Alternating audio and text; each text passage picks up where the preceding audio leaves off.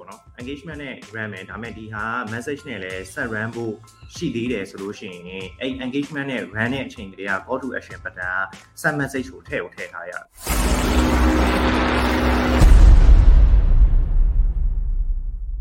အာပူးဆုပ်တာတဲ့အရင်လိုမျိုး get more message ဆိုပြီးမတွေ့တော့လို့တဲ့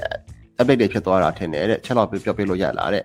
ပြီးတော့အာ testing သုံးတဲ့နည်းလေးနဲ့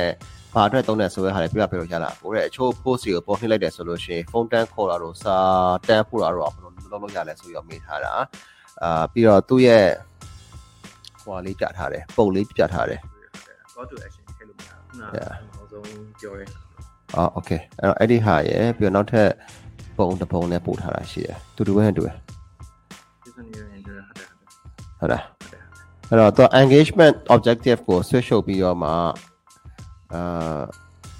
သူကကျွန်တော်တို့အားကြောင့်မလို့ပေါ့နော် engagement နဲ့ run မယ်ဒါပေမဲ့ဒီဟာ message နဲ့လည်းဆက် run ဖို့ရှိသေးတယ်ဆိုလို့ရှိရင်အဲ့ engagement နဲ့ run တဲ့အချိန်ကလေးက call to action button က set message ကိုထည့်ကိုထည့်ထားရတယ်ပေါ့နော်ပြီးတော့တစ်ခုရှိတာတစ်ခါကြာရင်ကျွန်တော်တို့ဒီ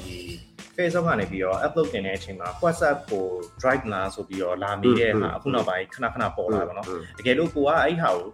အာအဲ့အချိန်မှာထည့်လိုက်ထည့်ပြီးတော့ကျွန်တော်တို့က ads run တဲ့အချိန်မှာအချိန်မှာ send message နဲ့ပဲတော့ run တယ်ဒါပေမဲ့အဲ့ဟာကိုအဲ့ call to action နေရာကိုမ check လိုက်မိဘူးဆိုလို့ရှိရင်သူကအဲ့ WhatsApp ကြီးနဲ့ run တော့ဒါပေမဲ့အဲ့ဟာ WhatsApp ကြတော့ပဲဖုန်းနံပါတ်နဲ့အဲ့မှာဖုန်းနံပါတ်ထည့်နိုင်တယ်သူက business ဖုန်းနံပါတ်ထည့်နိုင်တယ်ဒါပေမဲ့အဲ့ business ဖုန်းနံပါတ်မှာ WhatsApp မရှိဘူး အဲ့တကူတော့မဆိုင်ဘူးဒါပေမဲ့ရှိရှိတဲ့ဟာတွေတော့ပုံရပါတော့ဒါပေမဲ့ကျွန်တော်ထင်တာကတော့ WhatsApp နဲ့ထည့်မယ်လို့လာမိတဲ့ဟာတွေ WhatsApp မှာရှိပြီးသား phone number တွေကိုပဲလာမိတာ okay ဆိုတော့အာအဲ့ဒီအချိန်မှာကျွန်တော်တို့က ဟို message send message နဲ့ရွေးပြီး ads ကိုလည်း publish လုပ်လိုက်ပြီးပြီဆိုလို့ရှိရင်ဒါပေမဲ့ကိုကအဲ့ချိန်ကျမှပြန်ကြည့်လိုက်တဲ့ဟာက WhatsApp ကြီးဖြစ်နေ send message မဟုတ်ကျွန်တော်တို့ drive ချင်တာ messenger ကို drive ချင်တာပါနော်အဲ့လိုမျိုးဖြစ်နေရဲဆိုလို့ရှိရင်လည်း edit လုပ်လို့မရတော့ဘူးอืม publish လုပ်ပြီးတော့လည်း edit လုပ်လို့မရတော့အဲ့ ads ကိုပြန်ဖြတ်ပြီးတော့လည်း edit လုပ်လို့မရတော့ဘယ်လိုမှလုပ်လို့မရအဲ့တော့အာတကယ်လို့ WhatsApp ဟာဟို novo တွေက post တင်တဲ့အချိန်မှာ WhatsApp ဟာဖြစ်နေရဲဆိုလို့ရှိရင် ads ဟို send message နဲ့ run ချင်တဲ့အချိန်ကြလို့ရှိရင်တော့ call to action မှာဒီ messenger ဟာလေးကိုပြန်ပြန်တော့ရွေးပြရမှာပေါ့နော် send message ဆိုတဲ့ဟာလေးကိုပြန်တော့ရွေးပြရမှာ okay okay အရင်တော့ get message get more message ဆိုပြီးမတွေ့တော့အခု update အော် okay အာကျွန်တော်တို့ဒီဟာကတော့အာဟိုအပေါ်မှာလည်းပြောင်းတယ်ကျွန်တော်တို့ဒီ ads manager ထဲမှာလည်းအကုန်လုံး UI နေပြောင်းသွားတယ်ဗောနော် UI နေပြောင်းသွားတဲ့အချိန်မှာကျွန်တော်တို့ဒီ message တို့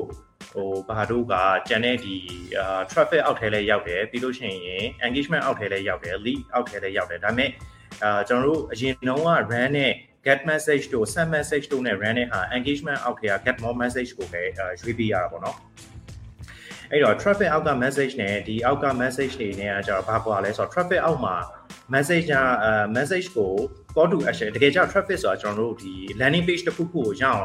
အာ click နဲ့ drive တဲ့ဟာပေါ့နော်အဲ့ချိန်မှာကျွန်တော်တို့က website ကိုရောက်ချင်တာလား messenger ကိုရောက်ချင်တာလားအဲ့ဟာအဲ့ဟာရွေးပြီးလို့ရအဲ့ဟာပေါ်မှာမူတည်ပြီးတော့ဒီ website တို့ messenger တို့အဲ့လိုမျိုးကွာတော့ပါနော်ထည့်တဲ့ call to action ပေါ်မှာမူတည်ပြီးတော့ဒါပေမဲ့သူရှိမှာထွက်တဲ့ ဒီ metric ကကြတော့ဒီ CPC နဲ့ပဲထွက်မှာပေါ့နော် cost per click နဲ့ပဲထွက်မှာပြီးတော့ lead ဆိုရင်လည်းအဲ့လိုပဲကျွန်တော်တို့ instant form တွေရှိတယ် instant form ကိုဒီဟိုဘယ်လိုဘယ်လိုမျိုးပြချင်တာကျွန်တော် new feed မှာပြချင်တာဒါမှမဟုတ် messenger ကနေပြီးတော့ပဲတခါတည်းပြချင်တာလားအဲ့လိုမျိုးဟာတွေကိုရွေးပေးရပါတော့အဲ့တော့အာအပေါ်မှာမေးထားတယ်တူတယ် list တို့ engagement တို့အပေါ်မှာ call call ဆို message တို့အဲ့ဟာတွေရှိရှိနေရဲဆိုတာအဲ့လိုအဲ့လိုမျိုးပေါ့နော်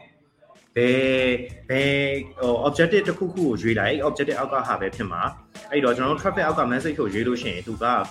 cost per message နဲ့ပြမှာမဟုတ်ဘူး